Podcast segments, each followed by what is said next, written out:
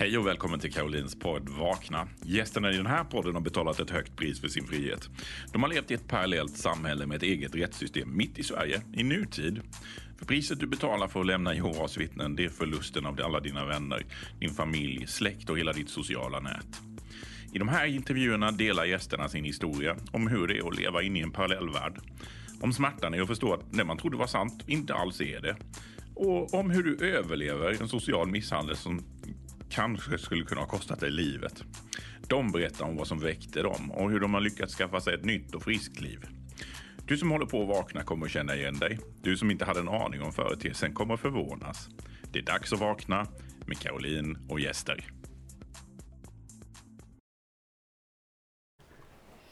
Hej och välkommen till ett nytt avsnitt av Vaknat eh, med Karolina och gäster.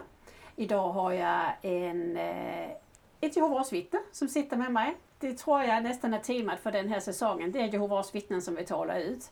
Så här, ja, vad ska man säga, du är PIMO. Mm. Physical and mentally out. Du eh, är fortfarande skriven i församlingen och aktiv men har varit vaken ett tag. Mm. Och nu har du faktiskt också resten av din familj vaken. Men på grund av att du fortfarande är i församlingen så kommer du vara anonym.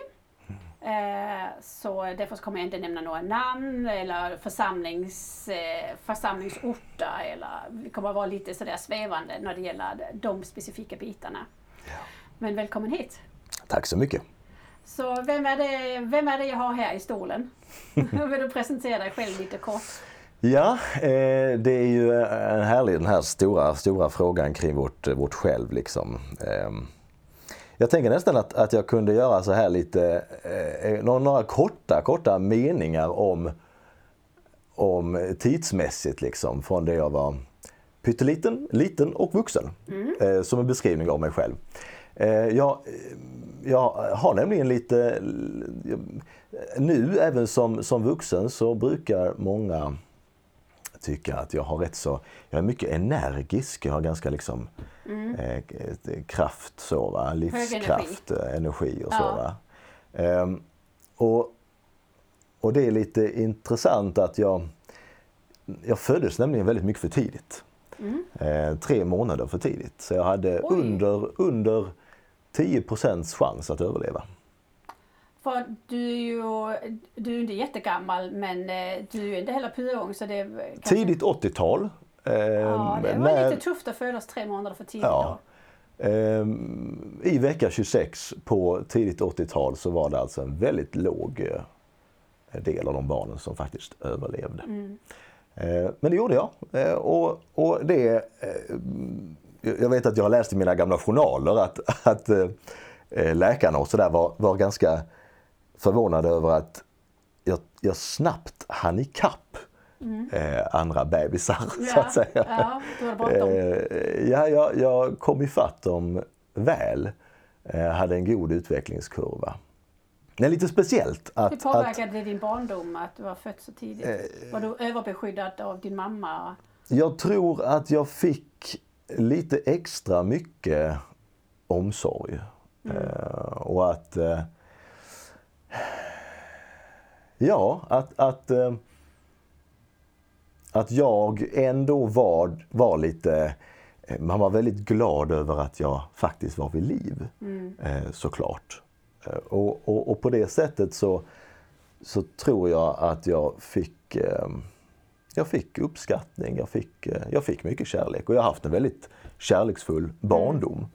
Var du men, yngst men, i syskonskaran eller? Jag var yngst i, i, i syskonskaran eh, men jag, jag tyckte dock aldrig om att vara barn. Eh, jag gillar inte att vara, att vara liten. Jag, jag kände att eh, det var väldigt mycket i då, som, som barn till, en, till Jehovas vittnen så var det väldigt mycket folk hemma hela tiden. Mm. Det var, vår familj var nästan som lite socialtjänsten, en, en andlig socialtjänst mm. eh, på den här lilla orten. Mm. Eh, och väldigt mycket både vuxna och barn hemma. Och, och jag tror att jag, jag tillsammans med att lydnad var väldigt viktigt så var jag ett väldigt lydigt barn. Mm. Eh, och ett lydigt barn blir ofta ett blygt barn. Mm. Eh, så jag var, jag var väldigt blyg och, och, och, var inte riktigt tillfreds som liten. Och sen som vuxen, jag var väldigt glad när jag blev äldre. Eh, jag kan väl säga så här att jag har tyckt att jag har fått, jag har fått förmånen att, att möta människor som har liksom kunnat introducera mig till saker som har varit väldigt värdefullt för min egen utveckling. Mm. Alltså psykologi, filosofi, eh, mm. sådana här saker som egentligen hjälper oss att förstå oss själva och vår omvärld. Eh, har det. Är det alltid tankar som har eh, liksom pysslat i ditt huvud? Samspel människor emellan? Jag tror att den grejen det är så svårt att veta vad som är efterkonstruktion ja. och vad som är faktiska omständigheter när man pratar om sin barndom och tidigare så. Men jag tror att den här grejen att man möter dubbla världar. I en sekt så är det ju väldigt mycket så. Mm. Eh, att du har en värld hemma och mm. du har en annan värld i skolan. Och för mig så tror jag det blev det är klart det var jobbigt, det är klart det var associerat med lidande, men det var också associerat med ett intresse för hur det här hänger ihop. Mm. Vad är det här? Vad, vad, vad, mm. hur, hur, ska det här hur, hur, kan man förklara det här? Liksom?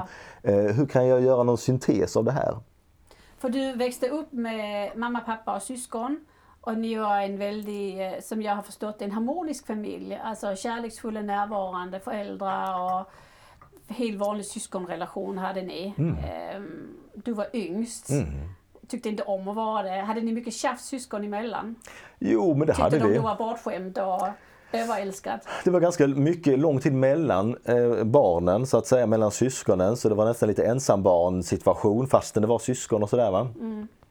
Eh, men, men sen tror jag att eh, det var det var ganska mycket fokus på självständighet. Mm. Eh, och det där är ju lite vad som en dubbelt svärd, dubbelt ägg liksom. För att självständighet är ju någonting gott men det kan lätt gå till överdrift. Eh, exempelvis så har jag fått veta i efterhand att den där situationen när jag var helt nyfödd och, och var liksom döende eh, i princip, eller nästan, eh, hade svårt att överleva, så var det ingen i församlingen som, som fick reda på det här. Mm. Utan det här, det höll man i så att, så att, så att, så att vår, alltså min familj skulle hela tiden hjälpa andra ja. i församlingen ja. men inte ta emot hjälp själv. Nej. Hur påverkade det familjen? Ja, alltså det, det, blev ju, det blev ju väldigt... På ett sätt så kan ju den typen av idé vara stärkande för att det eh, får ju tankarna att tänka i riktning att vi är starka. Mm. Vi i vår familj är starka. Mm. Ja. Mm. Eh, samtidigt så är det associerat med, med avståndstagande, nästan lite elitistiskt synsätt mm. och, och i praktiken en svaghet. Därför att om man ser sig själv som en sån person så visar man inte sårbarhet till sin omgivning. Om man inte visar sårbarhet till sin omgivning så är vi väldigt ensamma. Du får aldrig den här intimiteten. Nej, nej. Det, det, blir en, en nivåskillnad. Mm. Men kände du dig ensam som barn? Jag kände, mig, jag kände mig ensam. Eh, det var ju ungdomar i församlingssammanhanget där som, som jag hade roligt med och trevligt med. Men eh, det, jag, jag, kände mig, jag kände det som att, att eh, det var, en, det var en, en roll att fylla. Alltså jag skulle fylla en roll. Om det var att ta hand om andras barn när de var hemma hos oss eller eh, andra saker som hörde till det, den, den uppförandekod och den troskod som finns. Så, så var det ändå eh, mycket fokus på, på att, liksom vara, att följa det, att vara lydig det. Ja. Eh, och det tror jag den, den eh, den, eh, det sammanhanget kan nog göra ett barn ganska litet. För det var så jag, jag kände mig. Mm. Kunde du känna att du kunde i alla fall gå till dina föräldrar med saker som var svåra eller utmanande? Ja. Eller få, eh, tröstad eller få Absolut, absolut. Eh, det, jag nu, det jag nu förklarar kan vara lite, liksom den lite kanske negativa delen. Den positiva delen är ju att, att, det har jag mer förstått som vuxen också, att i mitt hem fastän det här, mina föräldrar är väldigt, väldigt troende, väldigt bokstavstroende. eh, så är det ändå människor som har ganska mycket pragmatik i sin religiositet. Eh, ja, vi pratade aldrig om liksom så här djävulen och Harmageddon och slutet och sådana här skrämmande saker som ofta kan vara alltså väldigt eh, eh, sjukdomsframbringande för barn, liksom, för deras psykiska hälsa. Eh, utan i, i mitt hem där jag växte upp så var det mycket mer fokus på hur vi skulle vara. Eh, och det var ju, mycket, det var ju en frisk faktor. Mycket. mycket. Eh, och, och hela tiden så var det liksom den, vad ska man säga, den Kristuslika modellen, eh, agape och annat. Va? Och vilken de som, eh, visade i och med att de var en socialförvaltning Precis, församlingen. precis. Va? Mm. Ja, det är intressant för jag kan, jag kan eh, relatera lite till den typ av uppväxt. Pragmatiska föräldrar. Min mamma var inte vitt men min pappa var det väldigt pragmatisk och äldste och väldigt, väldigt stark. Och vi barn blev uppväxta med att vi kan, ni kan allt. Ni kan göra precis vad som helst. Hela världen ligger öppna för er. Vilket är jättebra men också jättetungt. För om jag inte känner jag kan allt eller om eh, det finns också en viss förväntning med det. Eh, så den är väldigt, den är väldigt tvetydig den här. Absolut, absolut. Men det är mycket styrka med det. Jag har aldrig växt upp med Harmagedonskräck eller demonlära eller något sånt. Jaha, men hur, när valde du att bli ett Jehovas vittne? Du växte upp i den här, man kan ju säga att det var en kärleksfull familj. Ja, ja, ja absolut, en bra, absolut. Oh ja, oh ja. En bra barndom. Mm, Jag kunde prata med min, eh, alltså det här som du frågade om att prata känslor och så, det, det har vi, jag har, man kan säga att jag har pratat mycket intellektuellt med min pappa och mycket känslor med min mamma. Ja, så, Så att, jag det också. ja, ja, och, det, och det, var, det kändes gott liksom. Ja. Eh, ja, men jag kommer ihåg att när jag var 14 så var det mina eh, två eh, tjejkompisar i församlingen som eh, döpte sig. Och de var också 14. De var nog, ja de var också 14, ja, precis. Ja. Så de, de döpte sig när när de var, var 14. Vuxna mogna. Eh, verkligen. Fjortisar. Ehm, och jag kom ihåg att jag fick frågan, inte från mina föräldrar, utan frågan från någon annan i församlingen. Nej men nu är det väl kanske snart din tur? Så. Och det var liksom som att, det var ju ingen konstig kommentar. Men utifrån ett, ett, ett perspektiv där man är fostrad att följa och vara lydig och fylla sin roll, så räckte det ju. Mm, absolut. För att då tänkte jag att ja, men ja, jo det är det väl. Så jag döpte mig året därpå, när jag var 15. Hur kändes det? Du, var du troende eller var det plikt eller var det övertygelse? Eller var det både och? Jag, jag hade väl någon, någon bana tro. Eh, däremot så, så jag kommer ihåg att jag liksom bad ju. Det ska ju vara sånt här överlämnande i bön innan man gör det i dop och såna här grejer. Och det gjorde jag väl. Alltså jag tror att på ett, på ett barnsligt sätt så hade jag en tro. Och jag kan även komma ihåg att jag hade ett par år efter dopet faktiskt. Där jag liksom Nej, men där jag var liksom eh, pionjär, inte, ja, jag, jag var det liksom lite sen också, men, men pionjär i, i, anden så. Ja. Eh, där jag liksom eh, tyckte om att diskutera, jag till och med diskuterade med någon lärare på skolan om några historiska fakta och sådär. Va? Eh, och, jag, och jag stimulerades av att, eh, att lite vad säger man, surfa på den känslan att veta saker som inte andra vet. Liksom. Eh, så att, och, det, och, det, och, och den perioden, ja, men den var nog den var ju rätt bra. Liksom. Eh, jag kommer, jag, det, det är väl egentligen den enda, eh, om vi pratar kanske fyra fem år någonting där, va? från jag var kanske 17 tills jag var 22 eller någonting så. Va? Eh, den perioden var nog den där jag subjektivt mådde bäst eh, utifrån liksom ett, ett, ett sekt, eh, Ja. att vara i du kände sekten. du var ett med det. Jo, att det, det. Mm, var liksom en del av dig. Många i den åldern, många unga människor i den åldern är ju väldigt engagerade. Blir de veganer så blir de nästan militant, Mm, Precis, militanta va? veganer. Precis, ja, ja, ja. Blir de politiskt engagerade då är det liksom all in i ungdomspolitik Ja, och så vidare. ja, ja. Mm, Och detsamma är också, de kan ha en sån här religiositet i sig. Att, Men då kör vi all in och man är verkligen övertygad. Ja. Så eh, det är väl lite försmak på vuxenlivet som, Absolut, man, som man absolut. tar där. Jo, ja. Och en viktig process. Mm, Okej, så du döpte dig och, eh, och så vidare. Hur, hur såg din karriär ut i, i församlingen? Ja, men i och med att jag hade det där, liksom, gick med, med fanan högt så att säga, flaggan uppe liksom, så eh, det är ju någonting som uppskattas inom, inom eh, sådana här sammanhang såklart. Eh, jag var ganska, jag var ganska brådmogen. Alltså jag, jag kunde liksom, jag fick ansvar och jag tog gärna ansvar. Jag, kunde, jag var liksom, min blyghet, det här, det, här, det här som jag kände när jag var liten, det, det, det var liksom borta. Det var, ja. det, så jag hade en helt annan, jag förändrades väldigt mycket i min person också mm. eh, under gymnasietiden egentligen. Eh, Vad tog du för gymnasielinje? Humanistisk linje. Och jag, och, jag, och jag, kommer ihåg att, att, att det var ju, jag började ju älska skolan också. När ja. jag började läsa psykologi och filosofi och film, så, filmvetenskap och sådana här grejer. Var det helt okej okay för dina föräldrar att ta gymnasiet? Eh, ja, ja, just det. Förlåt, nu, nu, nu, nu glömde jag nog det där med, med, med det som mina föräldrar också. För de, till exempel så har de aldrig tyckt det var konstigt med högre ut, utbildning. Fastän det då har ju sagts, det har ju undervisats att det där är ju någonting vi ska undvika. Liksom. Mm. Eh, men mina föräldrar har, har, Det de har sagt är att ja, men vi såg att du var teoretiker. Mm. Eh, du hade tummen fel liksom. Ja. ja. Och därför så är det klart du ska studera någonting. Men, men samtidigt, ja men de var öppna för det. Inget konstigt alls. Så alla mina syskon är högutbildade. Ja, och det är ju det är väldigt bra att få ut det att det finns många sådana familjer. Jag också växt upp som, för min pappa var det helt självklart att mm. gymnasiet räcker inte till. Mm, mm. Utan klart ni måste ha mer. Mm. Han ville att hans flickor skulle mm. liksom ha eh, bra utbildning. Mm. Pappa, pappa har ofta läst andra saker också. Alltså läst lite böcker och så här lite populärpsykologi och sånt mm. han tyckt var intressant. Liksom.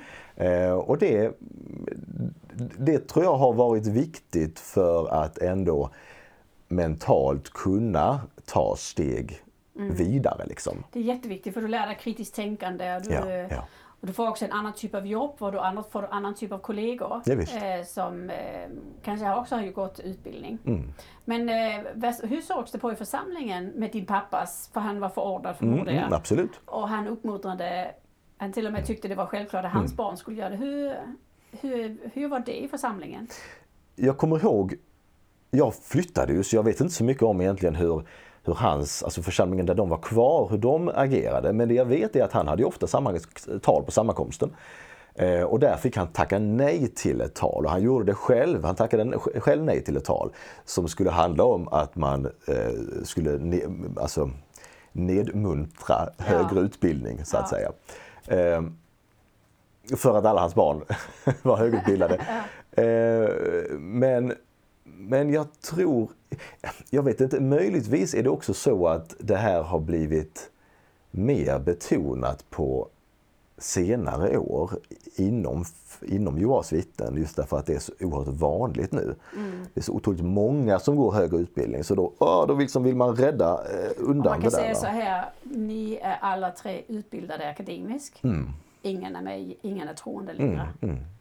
Eh, min, också jag och min syster, vi är akademiskt utbildade, vi är inte troende. Mm. Det, är en viss sammanhang. Absolut. Det är ett samband. Det, det, mm. är inte sagt att andra inte vaknar men du kanske har en snabbare väg till vakenhet mm. när du mm. ingår i, en, i ett akademiskt sammanhang och får kritiskt mm. tänkande och så vidare. Mm. Jo men jag, alltså det, det, så är det ju. Jag, jag kommer ihåg att, att eh, en inledningskurs jag var ju bara vad var jag, 18 när jag började studera på universitet. Ehm, och det var någon inledningskurs som handlade om eh, kunskapssyn, epistemologi. Ehm, och den kursen demonterar egentligen och analyserar hur vi uppnår kunskap. Mm. Och det var ju superintressant. Många, jag, jag märkte att alla var inte lika fascinerade av det som, som jag, men jag tyckte det var jätteintressant. Eh, och, och det, jag, jag kommer ihåg att det gjorde ju, jag var ju fortfarande vittne och aktiv men men det gjorde ju någonting med min egen utveckling och min egen förmåga att kunna ta perspektiv till det som pågår både inom mig själv och utanför mig själv. Och att kunna se eh, saker som står i litteraturen, att kunna se hur hur det är för givandetagande, hur det är cirkelargument till mm. exempel. Mm, ja. Alltså sådana här saker för hur kunskap byggs upp. Mm. Eh, att, bara, att bara få liksom eh, eh den formen av kunskap tidigt på högskola eller universitet. Se då, kunde du redan börja genomskåda i den unga åldern att vakthållarna använder cirkelargument. Vi tror på detta för det står i Bibeln och det står i Bibeln och vi, det kommer ju från Gud och kommer det från Gud kan vi inte ifrågasätta det. Alltså, ja, ja, liksom. ja, ja. Nej, men det, jag, jag, jag har ett särskilt, det är ett, ett väldigt eh, lite speciellt minne. Jag, jag, jag och min fru vi, vi studerade faktiskt Bibeln med en kurskamrat på eh, universitetet. Ehm, För din fru är också akademiskt utbildad. Ja, ja det är hon. Mm. Och ehm, jag kommer ihåg att vi satt där med någon sån här bok då. Och den här, den här vännen, det är fortfarande en, en, en god vän till mig och jag tror han, i, bara hans person, han är oerhört eh, akademiskt lagd den här människan. Eh, han har gjort mycket för min utveckling också. Är han ett Jehovas vittne eller? Nej, nej, nej. alltså, nej. Han, han, blev det, var bara, det var en kurskamrat på utbildningen. Ah, okej, som- som, som, som jag blev kompis med Ja. och, och då eftersom att vi fortfarande var aktiva så började vi ju studera Bibeln med honom. Ja, ja, ja. Eh, och, då, och då kommer jag ihåg att, att vi resonerade och hur den här vännen då pekade på, men nu kommer jag inte ihåg vad exakt liksom detaljen, men, men just pekade på hur han sa att ja, men, hördu, det här är ju inte, det står här att det är ett bevis, men, men vad då bevis? Det är, ju, det är ju bara ett cirkelargument. Liksom. Ja. Eh, och jag, och jag kommer ihåg att, att, att mycket där, parallellt med mina egna studier eh, och parallellt, parallellt med möten med människor, som den här personen till exempel, eh, så, så luckrades ju saker upp inom mig där jag helt enkelt kunde, kunde växa. Liksom. ja. Så. Så, men du, du blev pionjär en, eh, en tid, om jag förstår det rätt. Ja, det Hur stämmer. gammal var du när du gick ut i pionjärtjänsten? Nu ska vi se här, det måste ju varit ehm, Det måste varit, ja men jag var nog, jag, jag var nog pionjär mellan 22, jag, jag var nog 22 år gammal tills jag var 24 någonting, 25 kanske till och Ja. med. Så då var du färdig med dina studier. Så. Ja, ja. Vad var det som motiverade dig att gå ut som pionjär? Var lite det- halvkritisk. Det är ju en jättebra fråga. Det blir kanske, ja, jag vill nästan säga min fru. alltså, ehm, eh, m- min fru är ju inte uppvuxen som ett vittne utan hon kom ju då med liksom. Ehm, och hon var ju väldigt, hon har en helt annan bakgrund, både liksom, ja, inom massa sammanhang så är vi väldigt olika liksom. Och, och för henne så har religionen varit ett, ett fyllt ett tomrum på ett helt annat sätt än vad det var för mig. Så att och vi gifte oss ju tidigt, vi träffades ju tidigt i, i församlingen, gifte oss tidigt och eh, när jag då någonstans kände att saker inte var helt sanna och inte speciellt roliga. Ja, så såg jag att hon, det här var ju liksom som den största skatten för henne. Ja. Och det är klart att, och jag ville ju inte förlora henne. Jag, jag älskar henne väldigt mycket liksom. Och, och, och, och det där gjorde ju att jag fick hitta ett sätt att fortsätta göra grejer som ändå kändes någorlunda okej. För att behålla henne. Eh, men utan att svika mig själv för mycket. Vilken balans. Ja, ja. Och det så var inte lätt. sa eh, låt oss bli pionjärer. Ja, precis. Och jag har alltid tyckt det var väldigt roligt med samtal. Att jag sitter Ja. här nu till exempel, jag tycker Ja. det är jättestimulerande. Ja. Och jag gjorde lite samma grej med så att säga, tjänsten som, som det då kallas där. Va? Att jag, jag, jag liksom hade existentiella samtal med människor på allvar. Jag gick ut och liksom pratade med människor på ett sätt som där jag verkligen, eh, vad säger man, eh, hade ett givande och tagande och försökte liksom nedmontera all dogmatik och alla läror. Det sket jag i. Och så pratade jag istället med människor om vad, som, om vad de trodde om existentiella frågor. Spännande. Så jag gjorde liksom min egen agenda i tjänsten. Var det Eh, någon som sa någonting till det? Ja, ja, men jag fick, alltså det var ju det som var grejen att då kan ju tjänsten till och med bli, då kan det bli roligt liksom. Ja. Så, att, så att även om jag tyckte att, att själva, eh, vad säger man, etiketten eh, med Jehovas vittnen, det var ju liksom något som, var, som jag inte alls kände att det var kul. Liksom. För det var ju, det var ju så, det är så tungt med dogmer. Liksom. Så, så kunde jag göra tjänsten till ändå en form av lite social, intellektuell aktivitet. Och då funkar det. Fantastisk. Det var ju jättebra. Och du, hur länge, då var du då pionjär i tre, nästan tre år tror jag vi var, vi var det faktiskt. Ja. Mm. Kunde du göra dina timmar? Ja, ja, ja, även om jag var väldigt, ja, alltså samvets, jag hade stort samvete, jag hade inget litet samvete. Så. ja, men det, gör livet lite lättare. Absolut, ja. absolut. Ja. Och då var du också förordnad under ja. tiden där? Jag var nog, jag var, blev väldigt, jag var, var, blev förordnad redan som 18-åring. Oj, oj, oj. Eh, så jag väldigt tidigt, och det har också med det här lite, lite att jag lätt tar an liksom och, och kan. Plus att du är ju en av dem som är roliga att lyssna på när du håller tal för det är livsfrågor jo, jo, och jo, djup, djupa existentiella mm, frågor, mm, mm. inte bara bibelskriften mm. och, och dogma. Ja, men jag kommer ihåg att, att jag också valde sådana ämnen som jag kände att ja, men det här är roligt. Det här handlar om liksom eh, det handlar om egenskaper, det handlar om hur vi ska behandla varandra, det handlar om hur man ska kunna tillämpa kärlek i olika ja. sammanhang. Men det här kan jag prata om. Ja. Och så körde jag de, de teman mm. på, på, eh, i, i tal och föredrag och så. Så eh, du upptäckte väldigt tidigt att det här är inte något gudomligt eller när kom du fram till att det inte är något gudomligt med Juve? Alltså, ja, jag kan säga att, att mycket de högre, alltså de högre studierna, universitetsstudierna, eh, jag har gjort olika, olika, lite olika perioder i mitt liv. Så jag hade ju ett parti med högskolestudier när jag var väldigt ung.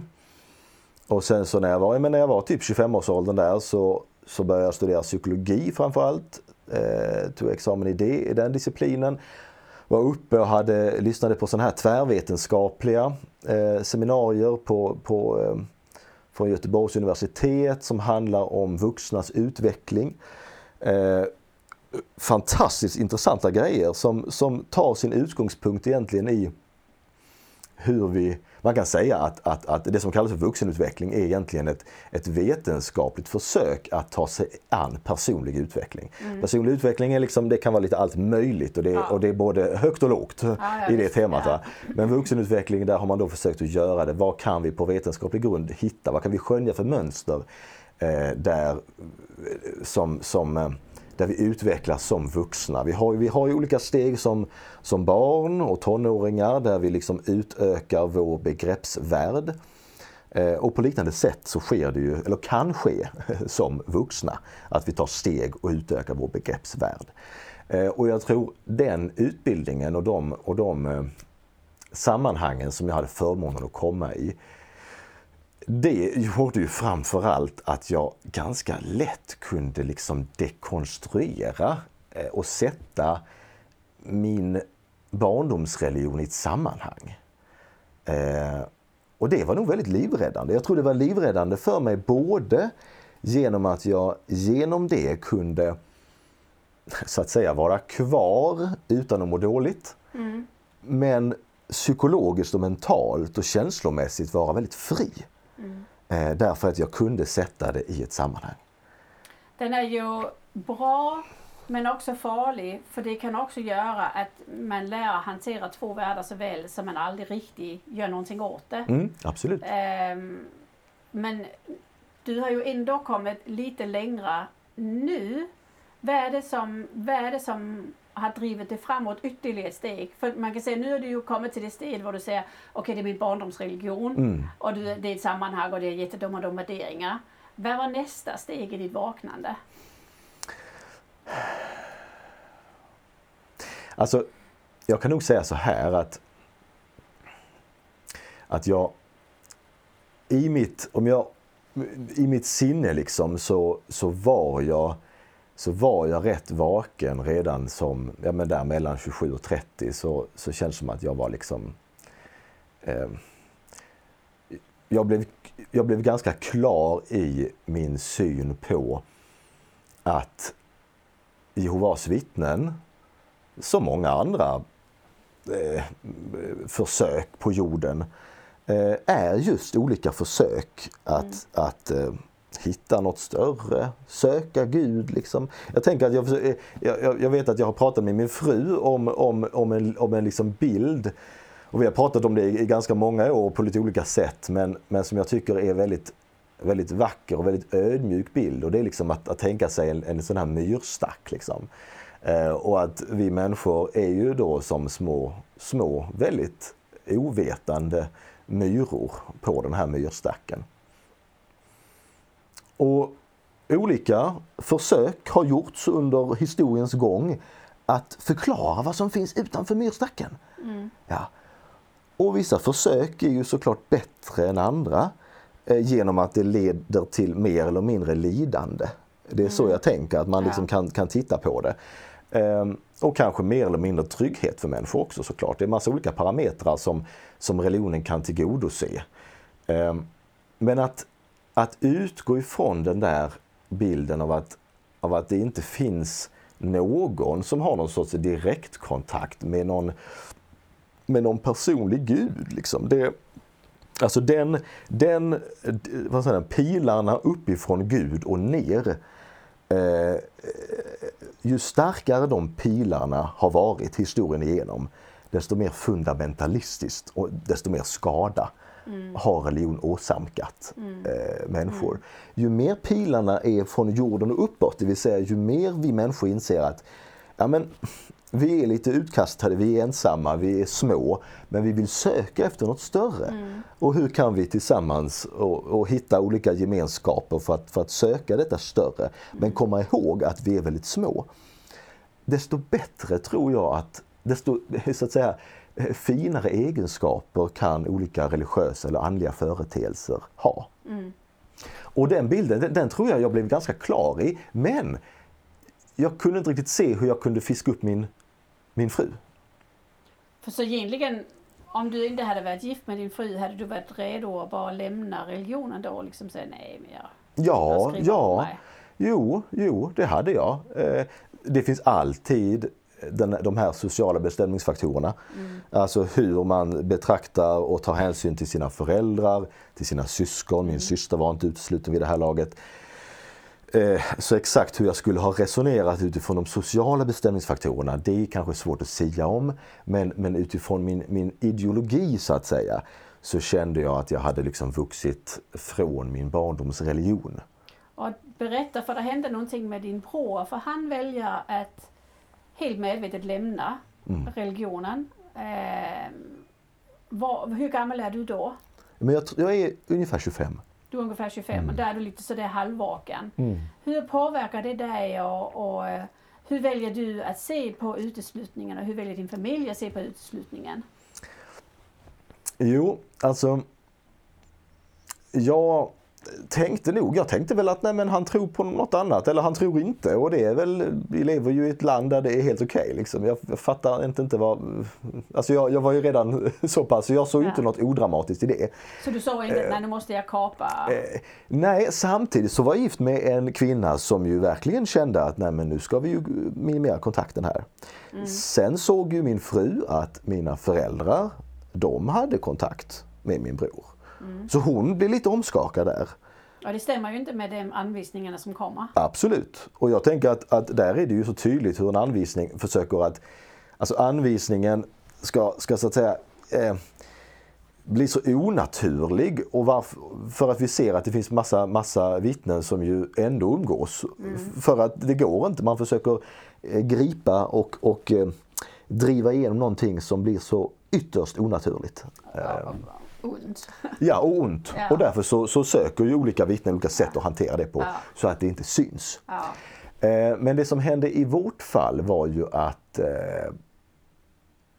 vi fortsatte att ha kontakt med min, bror- med min bror. Eh, Också din syster. också min syster. Alltså alla, hela familjen hade Ja, kontakt som ja, vanligt. ja, ja, som var kanske att mina föräldrar begränsade något men det var liksom inga stora, det var, inga, det var ingen stor förändring. Det var inte så att han, att han isolerades. Så ni kunde umgås hemma hos dina föräldrar, Ja. ha lite familjemiddag Ja, så. ja, ja absolut. absolut. Sen var det väldigt intressant att, att vid något tillfälle när min bror skulle komma och hjälpa till hemma så, eh, så um, får liksom äldstebröder reda på det här. Mm, och ringer till mig för att försöka att stoppa detta. Alltså det här låter ju, det, det blir ju, man i, i vissa sammanhang så, så vet vi ju inte om vi ska gråta eller skratta. Nej. Eh, så va. Jag valde att i det här fallet eh, hemfalla åt liksom nästan lite ironi och sarkasm. Eh, för den här brodern som, som ringde och ville varna mig för att träffa min egen bror. Eh, där, där svarade jag honom något i stil med att, att eh, ja, du, vilken, vilken, eh, vilken kärlek du har att du bryr dig så mycket om mig så du ringer och liksom vill varna mig för denna fara. Tack så mycket! Och sen så avslutade jag samtalet. Oh, Ehm, och det är klart att det blir ju väldigt, väldigt... Eh, han förstod sarkasmen. han förstod helt och hållet eh, det sarkastiska i, i det här.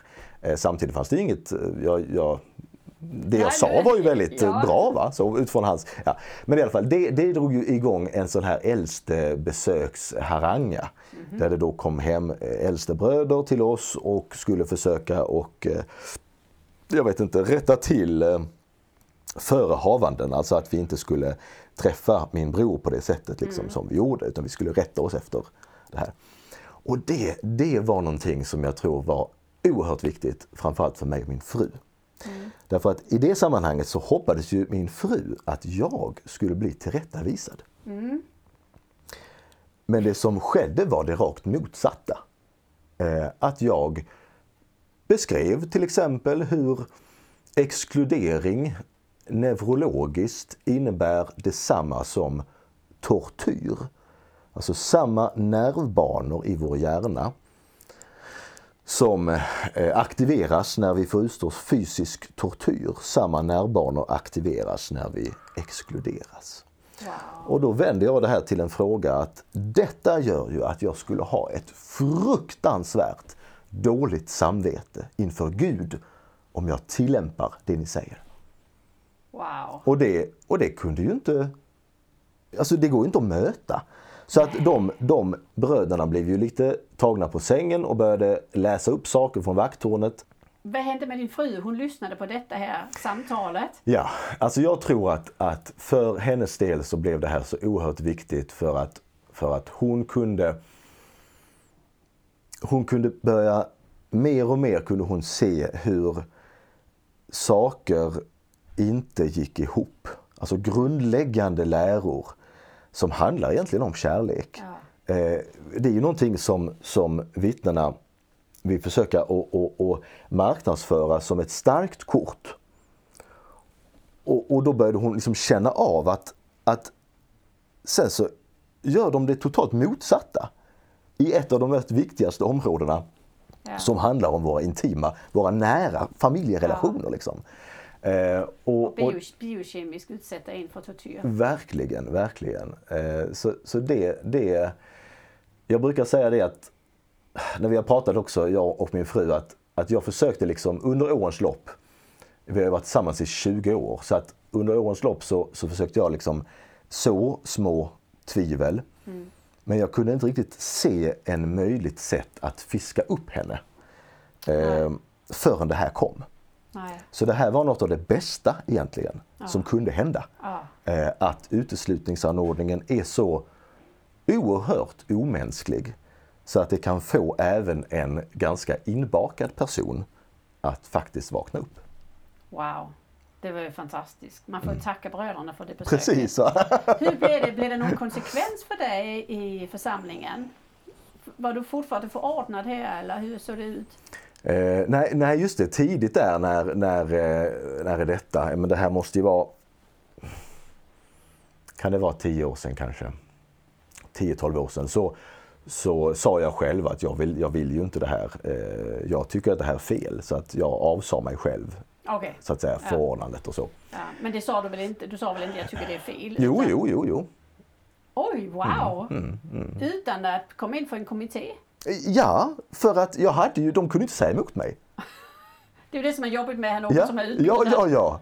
Absolut. Ja. Nej, så att det enda som hände, alltså efter de här harangorna av, av möten med, med bröder, äldstebröder som kom hem. Plötsligt så, så vågade de inte det längre. Nej. Så att under sen de här då, de senaste tio åren, då, då är det ju ingen, ja, de, de, jag har ju levt någon sorts eh, skönt perifert liv liksom. Eh, där, där de eh, inte gör några kontaktförsök därför att de vet ju vad, Ja. vad ja. det innebär. Ja. Det är ju farligt för deras tro. Så från och med den tidpunkt så, så luckras det upp lite hemma med att du kan så fler frö Mm, och din fru börjar också att se eh, med andra ögon på det, sam, det samfund ni tillhör. Precis, precis. Ja. Men hur, så vad har hänt under de här tio åren? Du har fortsatt att vara tillsammans med din bror. Mm. Och du har en till familjemedlem som också har lämnat. Ja, ja. Och då har ni också fortsatt att umgås. Ja, ja, det har vi. Det har vi. Eh, och, och det är klart att Alltså det är säkert en sorg för mina föräldrar såklart. Eh, det är de, även om inte jag har läm lämnat på, på pappret så, så, så det, det, det, det de ser som en skatt ser ju inte deras barn som en skatt. Eh, Inemellan, men det är svårt. Mm. Mm. Det är svårt. Därför att, därför att de de börjar ju bli till åren komna.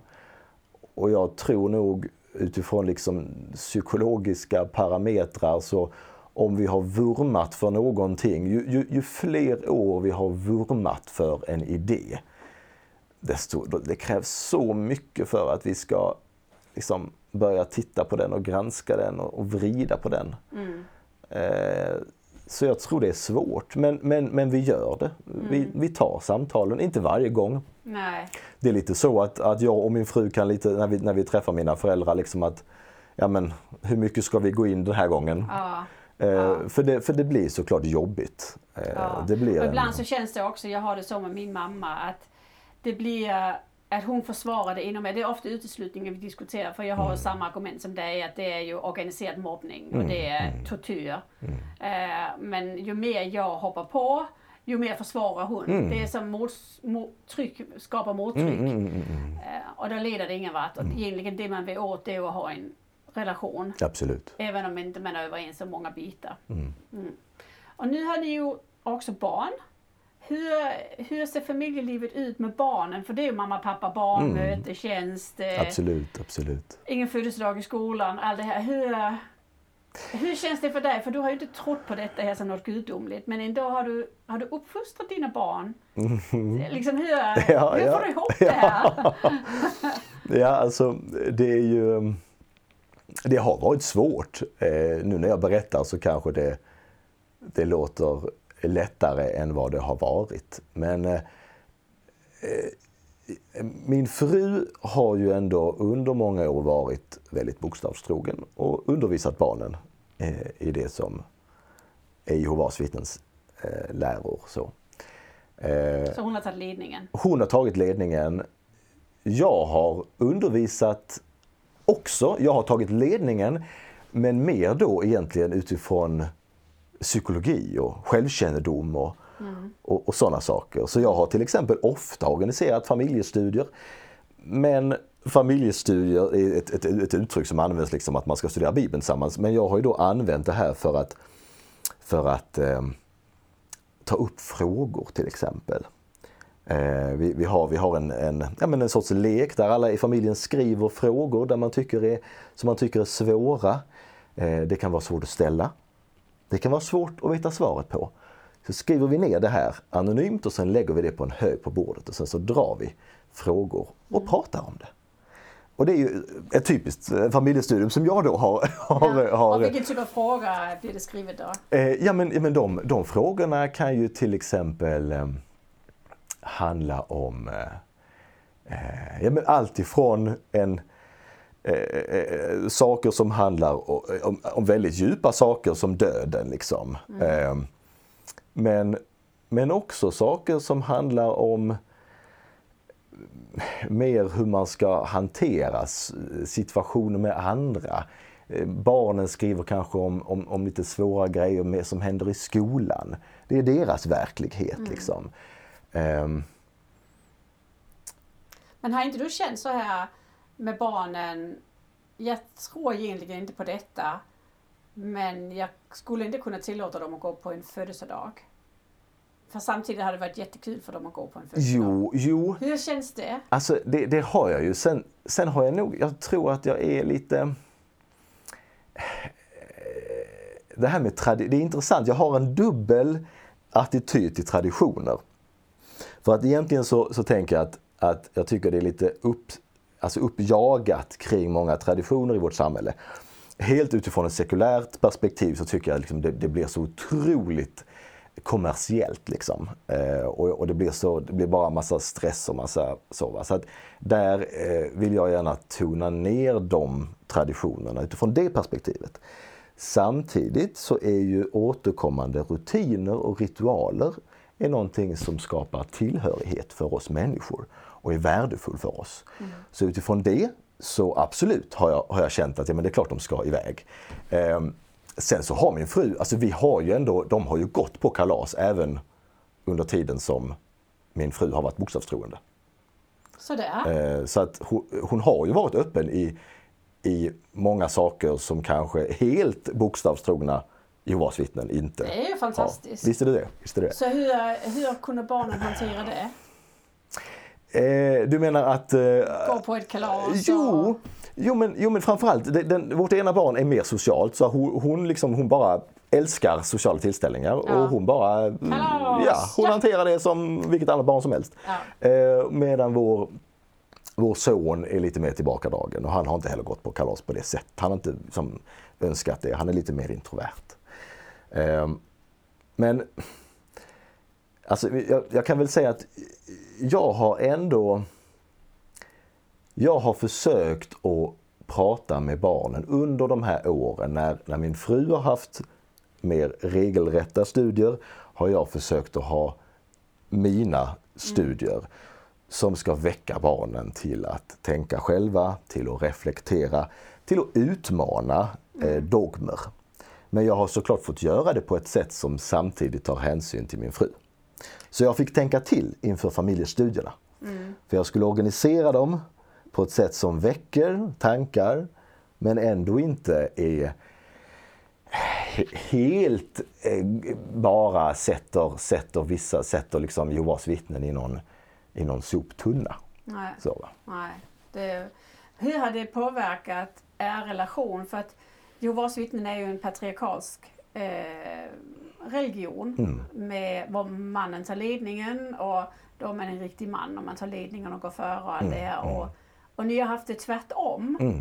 Eh, hur, har, hur har det påverkat er relation och man säger kompisar i församlingen som ju är helt annorlunda? Hur har det... Men jättebra fråga. Eh, jag kan nog säga att man skulle kunna dela upp det nästan i två perioder. Kanske inte tio år och tio år, men jag vet inte exakt årtalen. Men, men under, en, under en del år så var min fru missnöjd med att jag inte tog eh, ledningen på, på, på det församlingsnära sättet som var normen. Liksom. Men under årens lopp så, så har hon mer och mer märkt av att jag till exempel tar oerhört ledningen i eh, sånt som handlar om hur vi ska hur vi kan fungera bra i oss själva och hur vi kan fungera bra tillsammans med andra. Hur ett familjesystem kan fungera så friskt och, bra som möjligt. Och alla de parametrarna som handlar om liksom relationer och psykologi, där har jag varit väldigt ledande. Och hon har efter, under årens lopp märkt att oj, ja men vänta lite. Det är ju mer betydelsefullt. Mm. Och samtidigt har hon då träffat församlingsmedlemmar som har haft väldigt drivna män utifrån det här eh, ramverket. Men där hon har sett kvinnor och fruar som mår dåligt och inte får sina behov tillgodosedda. Ja. Ehm, och det tillsammans har hjälpt henne eh, att, att se ja, att byta så att säga fokus eller att uppskatta den typen av ledning. du har varit mer man än Jehovas vittne. Jo, jo, så hon jo. har fått mer ut av dig mm. än vad hennes väninna kanske har fått. För det är väl det man har de här, man brukar säga att man har golfänka mm. men man har också äldsteänkor och mm. jag har själv varit en sån som har tagit hand om barnen själv på sammankomsterna, gått själv ja, på sammankomsterna ja, för ja. att min exman var ja, upptagen hela tiden. Mm. Så egentligen har man ju inte så mycket, det, det är ju så det ska vara, det patriarkaliska men mm. det överlämnar ju bara kvinnorna väldigt ensamt. Och jag tror många, många män ångrar det. Jo, jag vet ja. i alla fall att min exman han, han ångrade djupt att mm. ja, liksom inte vara med sina barn på sammankomsten och sin mm. fru på sammankomsten. Mm, absolut, ja, absolut. Det, för kom... där var många familjer. Mm. För man går, man går, man går sönder på det. Mm. Jag kommer ihåg när jag, när jag eh, sa att jag inte ville ha någon, någon förordnande så va. Eh, så var det ju någon äldstebroder som skulle uppmuntra mig. Eh, och jag sa till honom att jag är så oerhört lycklig över att jag nu kan ägna så mycket tid åt mina barn och min fru. Mm. Eh, för jag vet ju att det, går, det, är ju, det är ju väldigt, väldigt svårt. Mm. De här äldstebröderna i många församlingar, de blir ju så upptagna med Mm. alla möjliga saker som inte handlar om deras egna barn Ja. och deras egna fruar eller deras Ja. egen partner. Ehm, Man sitter och blir kallad hem till familjer som har det jobbigt med Mm, varandra mm. och så vet man att men vi har det också jobbigt Mm. hemma och så ska jag sitta här, jag är varken utbildad eller någonting och så ska jag sitta och rådge dem. Det blir ju så splittrande. Och det är Och- klart den känslan som är med hem som äldstebroder. Absolut, och även om jag hade det bra som barn på väldigt många sätt så fanns det ju ändå den här lite att, att, att, att vi barn nog kunde känna att församlingens, alltså uppdraget i församlingen, de människorna var oerhört viktiga. Mm. Och kanske ibland tveka på vem som var viktigast, eh, vi barn eller Ja. församlingsmedlemmar. Och den, den tveksamheten eh, vill jag verkligen inte att... Det, det ska inget barn behöva känna. Nej, men det har ju eh, min egen dotter som, jag har en vuxen dotter som är ett Jehovas vittne. Hon, hon sa det till mig igår att eh, jag har sån tur mamma att du är min mamma nu. För du är liksom, nu är du här med mig och jag följer med henne på läkarbesök och jag liksom, jag är en del av hennes liv. För när hon var barn, då var hon inte sett. Jag förstår inte hennes behov och jag hade inte överskottet för jag hade så många andra jag skulle ta hand om. Jag hade alla andra barn som skulle hem och leka. När vi skulle på picknick så var det med åtta andra familjer. Och det skulle vara syster svag och broder gnällig och alla skulle med för man skulle inkludera alla. Och barnen bara blir en i mängden. Jag tycker att det är en trygghet i många vuxna. Nej, för de vill ha sin mamma och pappa. Och de vill ses av sin mamma och pappa. Och det är ju Absolut. med sorg i hjärtat att, att man kan bara vara liten inför den brist i föräldraskap och så Mm. försöka gottgöra det när de är unga vuxna och vara där som, som Mm. en mamma för dem som unga vuxna. Men det är reparationsarbete. Jo. Definitivt ett stort reparationsarbete efteråt. Och det här din fråga med kring våra barn nu, det som gör mig allra, eh, det som gör mig varm i hjärtat och känns ändå väldigt, väldigt skönt är att jag märker på våra barn att de ehm, att de just har en väldig frihet i sitt sätt att tänka och förhålla sig. Vi brukar diskutera ibland om jag och min fru ser en film på kvällen så brukar vi diskutera innehållet och lärdomarna under frukosten tillsammans när vi sitter med barnen. Eh, och, och höra deras reflektioner och deras, ja men, alltså hur de kan tänka både utifrån att reflektera över världen och liksom problem och kunna faktiskt vara väldigt smarta Ja. där och, och, och inte bara se, se saker ur ett perspektiv. Mm, och världen är under. Eh, vi precis, va? Men även då hur de kan relatera känslomässigt och relationellt och, och förstå och, och hänsyn och empati och de bitarna. När jag sitter med familjen och hör det från mina barn, då, då blir jag väldigt eh, stolt och jag blir också väldigt trygg över att fastän det har varit ehm, jag menar de har ju gått på massa möten där de har hört saker. Så, såklart det är ju grejer som är bra på mötena också va? Men, men ändå mycket som, som, som är något jag inte vill uppmuntra. Eh, så, så märker jag att, att barnen har, har eh, kunnat utvecklas väl och må bra. Liksom. Och det, är det finns ju ingenting som, som gör oss så glada. Liksom, som, När, föräldrar. Går du på möten fortfarande? Ingen av, av oss har varit på möte på ett par månader. Inte nu. Ja, ett par månader nu. ja. Eh, inte barnen heller? Nej. Nej. Hur, är- hur är det? Tycker de det är konstigt? Man ska väl inte iväg på möte? Sonen hade eh, nog framförallt i början lite bekymmer för han det är det här med hur barn är ganska stundomsinnade ändå och att vännerna var ju där till en, i alla fall en viss del. Så, och, och då tyckte han att ja, men hur blir det här nu med mina kompisar och så. och det, det, pratade vi om och vi försökte såklart ordna med att det skulle fortgå fastän vi inte var aktiva. Ehm, men, men det här sköna med att barn är ganska så stundomsinnade gör ju också att, att förändring därvidlag kan de hantera ofta bättre och lättare än vad vi vuxna gör. Mm. Så att just nu så, så äh, det går bra. Alltså de har, de har också haft ju kompisar eh, i sina klasser. Så mm. det, det, har inte varit barn som bara haft kompisar i församlingssammanhanget. Nej, nej. De har haft kompisar i klassen. Eh, och långsamt så, så bygger de en närmare vänskap där. Och nu sommaren ju helt perfekt. Vi ja. spelar in det här um, precis efter midsommar. Nu mm. blir det sänt i höst. Men, men i alla fall, det är ju en perfekt period att, uh, att luckra upp rutiner och göra nya saker absolut, och försvinna absolut. lite. Ja, ja. Hur, när gick du i tjänsten för, uh, sista gången? Oj, det var en spännande fråga. Det kommer jag inte svaret på. När var jag barnvakt i tjänsten senast?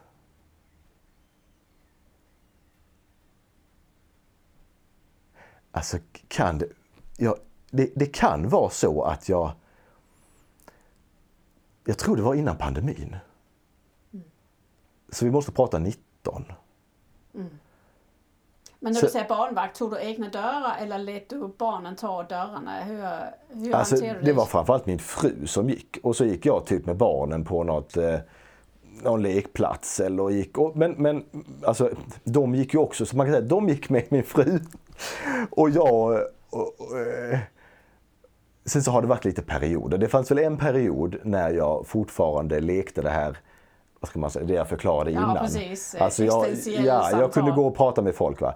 Men, men jag började känna att jag liksom... Jag, jag, jag, den etiketten är ändå associerad med så mycket som jag inte kan stå för. Eh, och då vill jag inte ens göra det.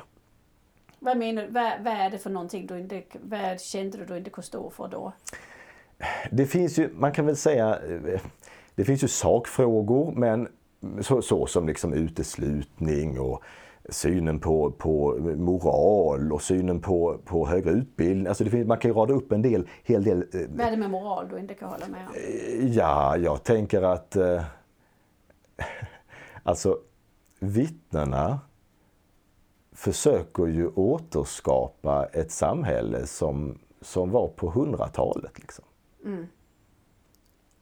Och den, det samhället finns inte. Eh, den moralen skapar, jag menar synen på sex till exempel, är ju, jag, jag, jag vill ofta på mötena när, jag, när, jag, när det var punkter om sex så skulle jag vilja räcka upp handen och, och, och ge rejäl sexualundervisning. Liksom.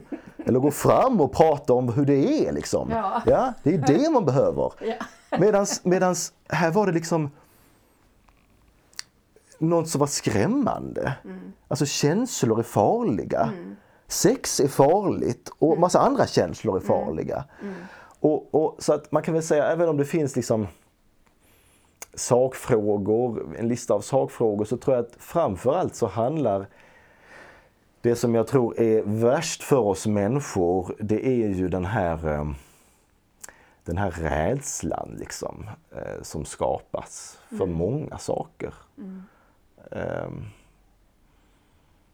och rädslan för att uppleva, rädslan för att möta, rädslan för att tänka och rädslan för att känna. Mm. Det är förfärligt många domäner som vi som Jehovas vittnen tyvärr lär människor att vara rädda för. Ja. Och det skapar ju såklart ett lidande, för vi behöver inte vara rädda. Det finns, det finns så mycket... Man behöver inte vara rädd, det är ingenting att vara rädd för. Nej, så det finns ju saker, det finns ju saker som händer i världen som såklart är skrämmande. Ja. Och det finns ju tillräckligt med objektiva grejer i världen mm. som är farliga. Krig till exempel va? Ja. och andra grejer som ja. är farliga. Ja. Och, då, och då är det ju så oerhört onödigt för vår, vår psykiska apparat att behöva lägga på klossar av idéer som vi ska vara rädda för. Tankar.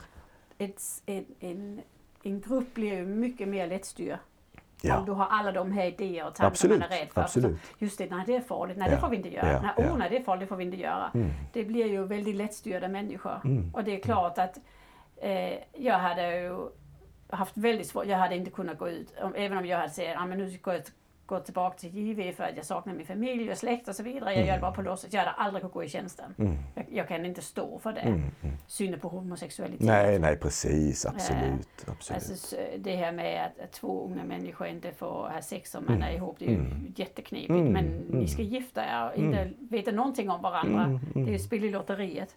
Alltså tänk så eh, kroppar och sinnen. eh, Vad är det? det är ju, Mm. Även om man nu skulle till och med tänka liksom utifrån en skapelse. Det blir ju så, det blir så motsägelsefullt. Mm. Om vi har vår hjärna liksom, som är något av det mest fantastiska som vi inte ens förstår oss på ännu. Mm. Liksom. Eh, och vi har våra kroppar som är fenomenala. Och, och, så, och så är det, ska vi ladda det med massa rädslor. Vi ska vara rädda för sex, rädda för sexuella känslor. Mm. Och vad vi gör med, med våra kroppar. Och vi ska vara rädda för att tänka vissa tankar. Mm. Ja, du, är inte ens, du får inte göra det, du får inte ens tänka det. Nej. liksom. Något som egentligen borde vara det en, en verklig, så att säga, eh, andlighet och att vara liksom tacksam för det vi eh, har på vår lilla myrstack. Det är ju till exempel detta. Absolut. Eh, absolut. Ja. Så många, speciellt kvinnor jag har haft här i stolen som har gift sig ungt och helt blåögda och kommer in i ett äktenskap och med totalt sexuellt frustrerade Mm, pojkar och de vet bara det, vad de har sett i smyg på porr och Mm. hon vet ingenting. Och det, det, är liksom, det blir kaos Ja. från början för Ja. man inte har växt upp med det. Man har bara växt upp med nej. Mm. Don't. Ja. Okej, men eh, så du gick i tjänsten. Men du gjorde inte brevtjänst under covid? Nej, nej. Nej. Det blev väl nästan som att ja, men under den perioden så, så öppnade också min fru, liksom, alltså hon, hennes utveckling tog lite fart. Ehm, så hon tog inte lika illa vid sig till exempel att jag inte var med. Satt du och lyssnade på, på, eh, på Zoom under eh, pandemin?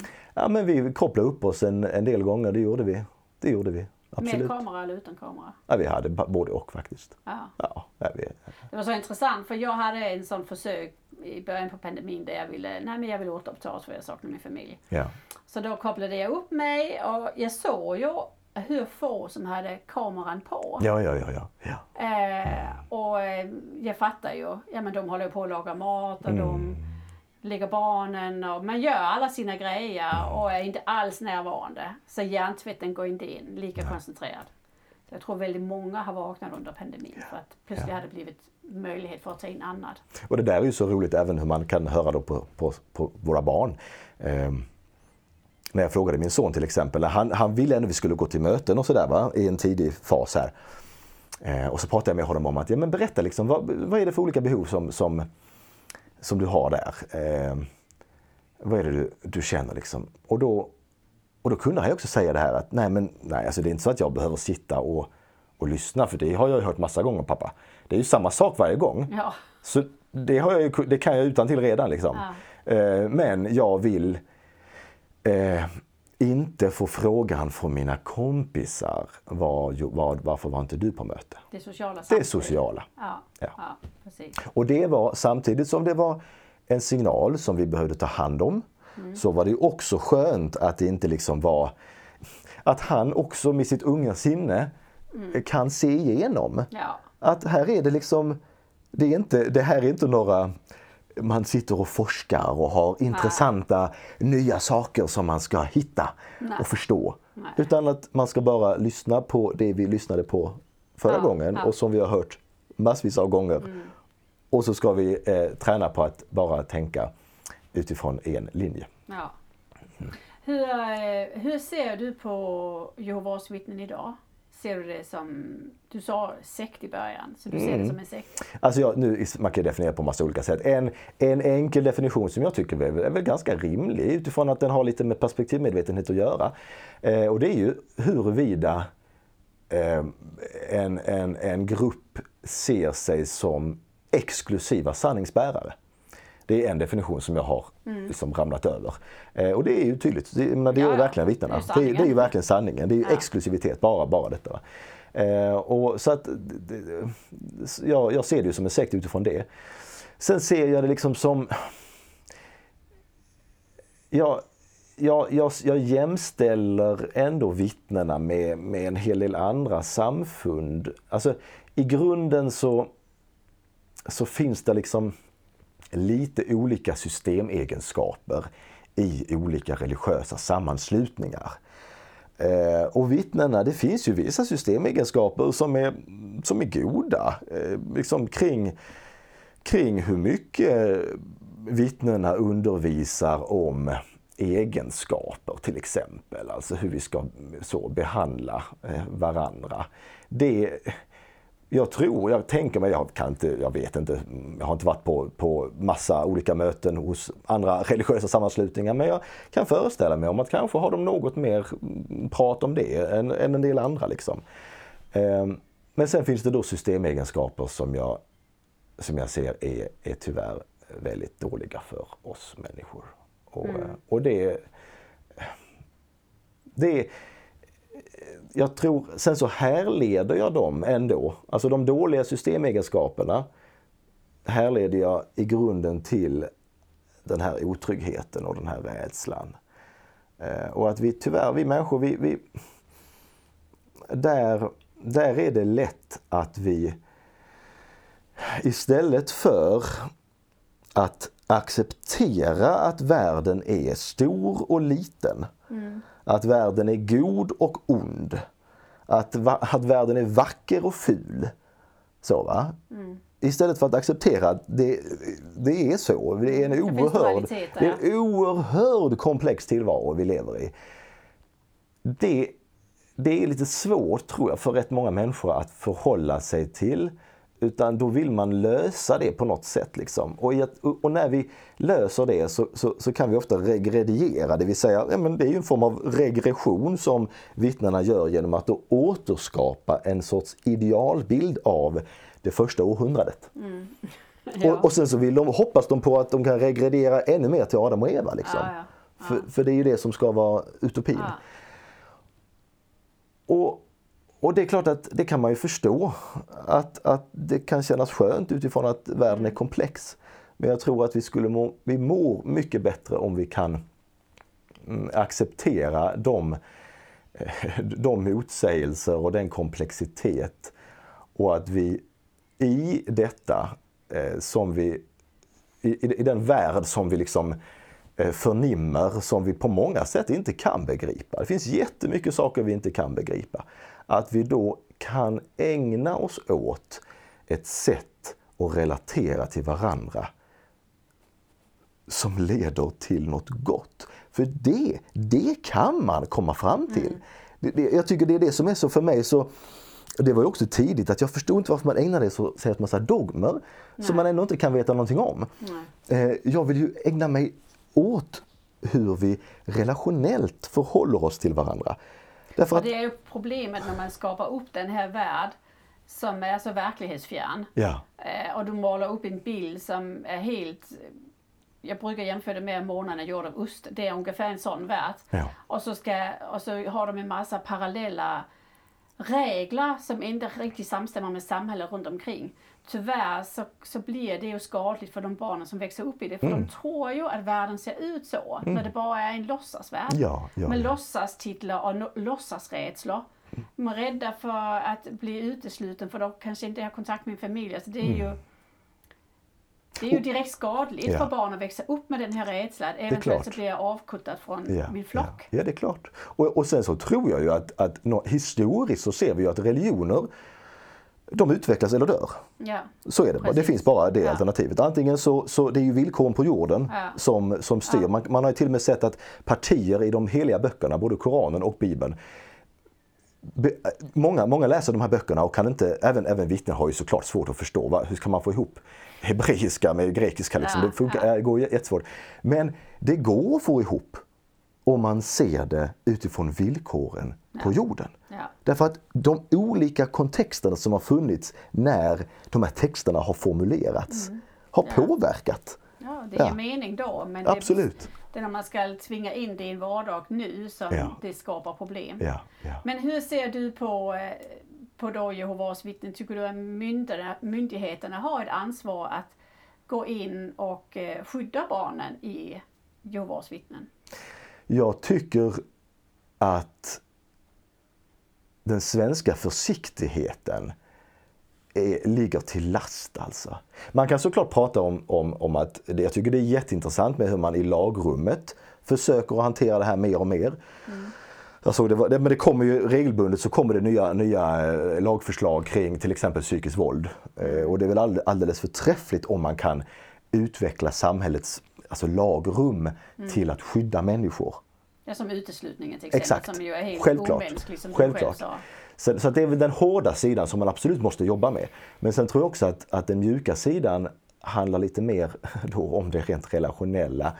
Eh, och, och det här med, jag har jobbat under många år i skolans värld liksom, och, hur, och hur ungdomar inte har någon har någon viktig person nära sig till exempel. Eh, oerhört viktigt. Eh, oavsett vilken form av, av kontext som kan vara till skada för ett barn så, så behöver vi hitta sätt både att stärka liksom eh, att inte fa familjer ska vara ensamma men också att institutioner runt om kan, kan fånga upp eh, barn ja, och ungdomar. Problemet är ju när man har eh, barn som lever i en miljö där föräldrarna kanske ser de äldste som liksom den högsta myndigheten. Mm, mm. Och händer det någonting eh, som missbruk av barn eller våld i familjen mm. och då kommer till de äldste och ser det som myndigheten. Ja. Då får de ju inte det skydd av samhället som de har rätt till barnen. absolut, absolut. Äh, det är ju, det är ju lag, lagvidrigt. Ja. Äh, ja. Det, är ju, det, det hör ju,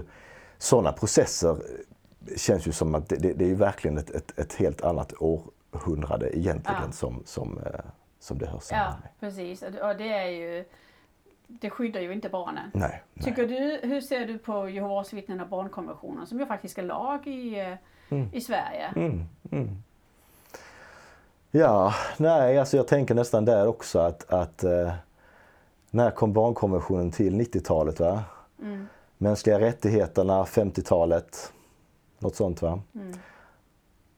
Och när kom vittnena till? Ja, 1800-talet liksom.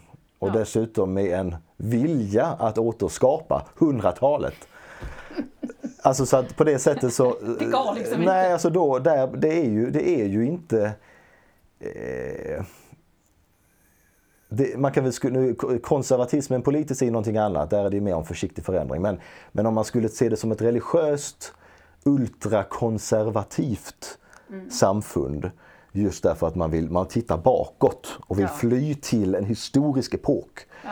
Eh, då är det klart att nej, nej. Barnkonventionen, det är ju, barnkonventionen har ju med vår kulturella evolution att göra. Ja. Att vi har eh, hittat sätt att förstå hur kan vi stärka samhällen? Mm. Ja, men man måste ju stärka ett samhälle genom att se till att barnen har det bra ja. såklart. Ja. Och se till att människor kan använda sin potential och sin frihet. Mm. Eh, både då utifrån barnkonventionen och mänskliga rättigheter. Mm. Så det är ju ett, ett, ett, en kraftfull manifestation av vår kulturella evolution. Mm. Eh, och där, nej, vittnena är, är, ju inte där. Nej, nej det får man verkligen säga. Men så eh, du, du, du tycker att de, de bryter på det. Tror du att Jehovas vittnen kommer att försvinna? För du säger antingen så utvecklas man eller mm. också försvinner man. Tror du Jehovas vittnen försvinner då? Alltså jag föreställer mig Eller nog... tror du de kommer att utvecklas? Ja precis, det är, ju, ja, är jag positiv eller negativ? alltså jag, jag, jag utifrån de åren som jag har bevittnat vittnena eh, så, så tänker jag tyvärr att, att, att det finns väldigt, alltså inte tecken på att man vill eh, utvecklas. Eh, utan man vill snarare fly till något gammalt. Ehm, så jag tror att utifrån den kulturella evolution som sker i västvärlden så tänker jag att, att, att vittnena inte kan överleva där. Jag har faktiskt exakt samma teori. Mm. Jag tror att ser man hundra år fram i tiden då finns inte Jehovas mm. Det går inte. Mm. Eh, och de, de, de är bakåtsträvande. De är med alla de här rättegångarna med pedofili och så vidare. Man ser inte för låg, man ger inte med sig, mm. man är inte mm. alls samarbetsvillig med myndigheterna, man samarbetar inte med EU barnkonventionen. Så mm. Jag tror också det, det blir väldigt svårt för Jehovas vittnen att överleva. Mm. mm. Plus att alla de eh, Jehovas vittnen i, i kaninögon öron, som, som sitter på riketsalen som bara är det på grund av den sociala konstellationen vittnar, vittnar ju om att det är ett luftslott. Ja, ja. Det är väldigt, väldigt få som är egentligen trogna. Mm, mm, Väldigt många lyssnare här är ju sådana som dig, Pimos. mm. Som är på pappret men inte i verkligheten. Nu är du lite mindre på pappret i och med att du går på möten längre. Ja, just det. Eh, Men, men, det men fortfarande är du ju egentligen en siffra. Nu vet jag inte om man räknar med förkunnare eller hur men de försöker att skrapla ihop alla siffror för att hålla dem uppe. Ja, ja precis, Så, precis. eh, innan så var det väl så länge man rapporterade var man liksom med på pappret. Ja, Men sen när man slutade rapportera så... Ja, ja, men ja. jag vet inte om de har Jag ändrat vet på inte det. heller. Ingen aning. Ingen För de aning. får ju ihop någon fantastisk siffra. Ja, i, ja, ja, ja. Det är 26 000 i Sverige. Men ja. jag undrar hur, hur sann det är. ja, ja. Ja. Mm. Men hur ser din gudstro ut idag då? Ja, min gudstro är... Min gudstro, min, min, min andlighet är, är, tar nog sin utgångspunkt ganska mycket där på, eh, på myr, på myr, vad kallar man det för? Eh, Inget, Myrstacks. myrstack säger man, ja, inget myrberg. Ja. Myrstacken där. Att eh, eh, jag, jag, är, jag är väldigt... Eh, eh, jag är en person, kanske också genom, genom alla studier så är jag rätt så vad säger man, akademiskt funtad och, och, och teoretiskt lagd. Liksom. Ehm, så, att, så att det är inte, jag, jag har liksom inte ersatt eh, den här bokstavstrogna synen på Gud som Jehovas vittnen har med någonting, med någonting annat så. Utan, utan jag, jag tänker så här att vi kan efter massor av år där vi har, oerhört många forskare till exempel har försökt att besvara frågan till hur vi kan ha ett medvetande. Alltså vad är det som utgör och skapar och är essensen i vårt medvetande? Så har inte den frågan blivit besvarad. Vi vet fortfarande inte ens det. Och det handlar om ett organ som sitter innanför pannbenet även om den kan vara delar av vår kropp och kanske till och med delar av, vår- av andra. Så, så, så vet vi fortfarande inte. Vi har inte besvarat frågan kring medvetande. Och det tycker jag är också en sån viktig ödmjuk hållning att då, ja, jag är öppen för, för um, andlighet och spiritualitet. Jag tycker det är jättespännande. Ehm, och, jag, och jag tror att det finns ett, eh, ett Alltså historien visar också att vi människor har ett behov och jag tänker också att jag har ett behov av att tänka på eh, frågor som är av existentiell art. Sen försöker jag nog mer än att leta efter svar försöker jag hämta näring ifrån frågorna. För jag tror att jag kan hämta väldigt mycket näring från frågorna i att leva mitt liv mer till fullo. Ja. Alltså till exempel så, ja men den, den eh, dödsångesten eh, ger ju, kan ju ge oss människor en oerhörd eh, kraft att fundera över hur vi lever vårt liv. Om jag tar beslut, om jag ägnar mig dagligen åt saker som jag kommer att vara stolt över den dagen jag dör. Men är inte det det som livet handlar om? Absolut. Att smaka och skratta och Ja, älska ja, och ja. Pottra i trädgården, äta god mat Absolut, absolut. Jag tycker det är så vackert för att nu har jag haft ett 40-tal gäster här. Och många har ställt den här frågan till och någon är jättespirituella, någon säger nej jag är ateist och någon ja jag vet inte riktigt och någon är lite mer akademisk som dig. Men det är, och någon blir politiskt aktiva Mm, eh, och kastar sig in i det och ska förändra samhället. Och jag tycker det är så vackert att när det här fängelset är borta Mm. Vad vi alla puttat in i vi ska tro på Jehova och det, det så här världsbilden är. Så ser man vem den verkliga personen är. Ja men det var ju en liten politiker, det var en liten lokal politiker som var gömd det eller det var ju ett, ett medium som var gömt det eller Ja. här var det en stark artist eller en atlet också. Ja. Det finns så många olika människor som egentligen ligger där. Mm, mm. Och eh, till syvende och sist så är det, är du lycklig? Alltså, är du lycklig i det du gör? Mm, Ja, men har man inte fullfyllt sitt livssyfte då? Mm, Jag är absolut. jättelycklig. Jag tror inte på någonting. Jag kommer att dö och så kommer det inte vara någonting och jag är så lycklig över det. Mm, mm, Underbart. mm, Men då, då är man ju liksom, då är man ju hemma. Mm. Är du lycklig? Jag är lycklig. Jag är lycklig. Är du, har du alltid varit lika lycklig? För du är ju sån här glad skit. Har alltid Alltså, varit det. Som liten var jag, kan jag inte nog säga att jag kände mig särskilt lycklig. Jag var frustrerad som liten. Ja. Ehm, och det är klart det har, haft, det har varit perioder där jag har känt att det var knepigt. Jag kommer ihåg till exempel en sån jättekonstig, alltså också hur den tanken då med min fru till exempel. Va? Att jag, jag tänkte, men oj, vad händer här nu om jag skulle komma till en sjukhuset och sen så vill de ge mig blod. Liksom. Och det är klart att jag ska ha blod men då är min fru där och hon blir ju helt ifrån sig om jag säger ja till blod. Och hur blir det mellan oss? Ja. Ja. Och jag menar sådana lite egentligen fåniga grejer. Eh, det har ju ändå skapat i perioder huvudbry. och liksom bekymmersamhet inom mig. Men eh, nej men jag, jag, är, jag är en person som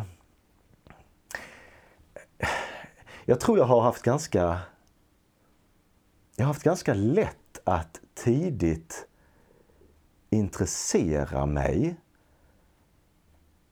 för sånt som, som, som liksom leder till lycka. Alltså, Jag tänker så här, man, det finns till exempel forskning kring, kring när man intervjuar gamla människor. Va? Mm, ja, Ja. Alltså vad är det gamla människor säger? Är det ångrar de att de inte att de hade, de skulle skaffat mer statusjobb, fler bilar, eh, fler hobbysar, fler så? Va? Nej, det de ångrar är att de inte ägnade sig mer eh, innerligt åt sin familj eller sina vänner och sin vänskap. Alltså det relationella till exempel. Ehm, och jag tror att tidigt där så bara på något sätt så fick jag ju introducerat saker som just handlade om det. Och jag, och jag väcktes liksom. Jag väcktes, nu pratar man om vakna utifrån det här, men jag Ja. tror att jag väcktes ju nästan eh, ännu mer eh, elementärt liksom av att förstå att det vi människor tänker mest på. När man mäter vad vi, vad vi tänker på om dagarna så tänker vi mest på oss själva och andra människor. Ja. Det är, vi har ju massor av tankar och det är mest Ja. åt det. Ja. Ja. Men det är få av oss som kanske ägnar massa kraft åt att begripa det där. Och det har jag haft förmånen att göra. På grund av att jag tidigt blev så oerhört intresserad av det. Och så har du Eh, satt dig i komplexa miljöer också, så vad du har fått hantera det och fundera Absolut, över det. absolut. Ja. och du jobbar med det också. Jo, jo, jo. Eh, Så, eh, sen måste man också säga att du har ju haft förmånen, man kan säga du har ju varit ganska lyckligt Jehovas vittne. Du gifte dig och ni har faktiskt ett lyckligt äktenskap efter Mm, 20 år. Både som, när ni var aktiva och nu känns det som om hela familjen tar liksom ett steg i en ny riktning men ni gör det tillsammans och ni, ni är väldigt starka tillsammans vilket är underbart.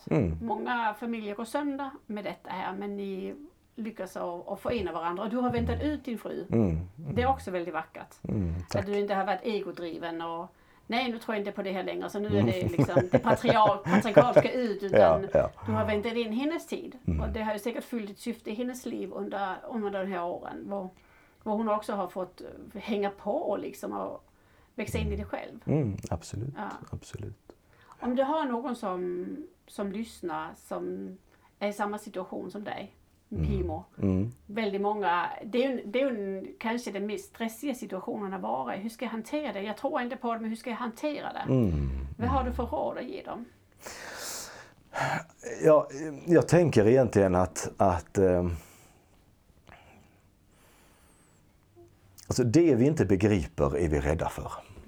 Eh,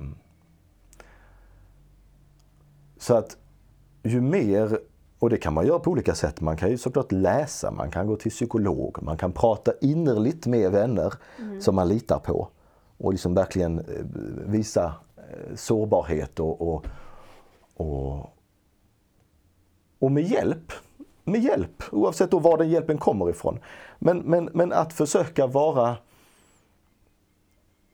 så modig att man ändå förstår att det vi...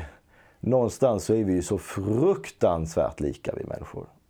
Vi har massa liksom, grejer som vi blir duktiga på. Va? Men vi är så fruktansvärt lika i, i, i, i grunden. Så det är obehaget. Om jag sitter med ett obehag och en rädsla så är det självklart att det är andra människor runt omkring mig som sitter med det. Och sättet vi kan hantera det är framför allt att vi delar det med varandra, att vi inte är själva.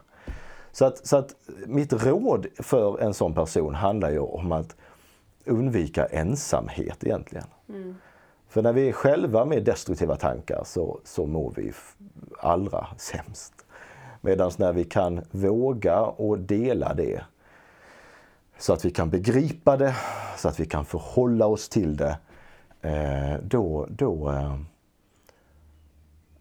då kan vi liksom få det här, som, det här lite fina ordet som heter autonomi. Alltså att vi kan lite eh, få, en, få en kärna där vi ändå kan navigera lite lättare. Hur skulle du känna dig om, om någon Pimo ville snacka med dig? Jo, jo, men det går jättebra. Det, det är, du är öppen för det? Ja, ja, ja. ja, ja, ja. ja.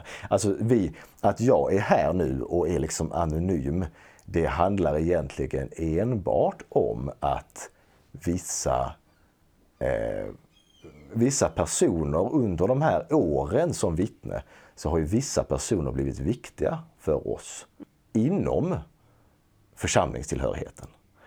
Och vi vill liksom ändå se, vad, kan, finns det en chans att, att testa denna, denna vänskap? Eh, för vi vet ju att om vi bara skriver ut oss, då klarar ju egentligen inga vittnen, eller det ja, kanske finns någon, men det är ytterst få vittnen mm. som klarar av att behålla en kontakt därför att det är ju uteslutningsbart i sig. Mm. Så då, då, då, då, kan de inte det. Mm. Eh, så därför så, så vill vi liksom testa lite och se vad, vad, vad, eh, vad är det för kvalitet egentligen på vissa av de här relationerna mm. som har vuxit under, under årens lopp. Ja, precis. Mm. Men eh, det är ju det är väldigt viktigt att den här resan, att om man vill skriva ut sig, är ju väldigt personligt och privat. För ja. Man ska ta konsekvensen själv. Mm. Och många lever på pappret i åratal mm. och det går jättebra. Mm. Andra känner nej, jag vill inte göra det mm. utan och göra någonting annat. Men mm. det, det är en väldigt privat eh, beslut att fatta mm. om man vill ta och skriva sig ut på pappret eller inte. Men det, det, är ju som sagt intressant för det är ju, eh, jag har en kö av Pimos som ska uttala sig och det, det är en helt ny vändning i, eh, i podden som inte jag har sett innan. Men det visar ju att det är väldigt många som lyssnar på detta, det är väldigt många som går i de här tankarna. Mm. Eh, hur ska jag hantera det? Mm. Så, och det är, ja, det är väldigt många som, eh, som, som är lika dig och, och din fru och, och de andra som, som sitter här i stolen hos mig. Mm. Känner du dig nöjd med... Absolut, absolut. Har du fått sagt det du vill säga? Ja men det tycker jag. Ja. Det tycker jag. Ingenting som ligger att trycka i hjärtat? Som Nej, det känns eh, som ett fint samtal. Du är en man med många ord. Ja. väldigt glatt skratt. Ja. En väldigt fin och vacker familj. Mm, tack så jag har bara träffat din fru, jag har inte träffat dina barn. Men mm. Eh, jag önskar er allt lycka till eh, och många kramar på vägen för ni är fantastiska, ni gör det här tillsammans. Mm. Jag hoppas att många fler familjer kan göra de här resorna tillsammans ut så man inte behöver splittra familjer. Ja, ja. Om man har ett lyckligt äktenskap såklart. Jo, jag säger när man ska stanna tillsammans för alltid. Men, mm. om, man inte, men om man nu är ja, lycklig ja, så ska inte ett äktenskap behöva splittras på grund av detta. Nej, nej. Men i så fall så säger jag tack så mycket. Mm, tack så mycket själv Caroline. Vill du vara med i Vakna med Caroline och gäster? Att dela med sig av sina upplevelser kan frigöra en hel del blockeringar och hjälpa dig vidare i livet. Det är ofta helande och läkande att höra sig själv berätta vad man har varit med om och som man faktiskt har klarat av. Det är som en tung ryggsäck som man kastar bort för att gå vidare med nya och friska krafter. Besök reject.com och anmäl ditt intresse om du vill vara med. Knappa in r-e-j-e-c-t.com e, reject.com. Du är varmt välkommen.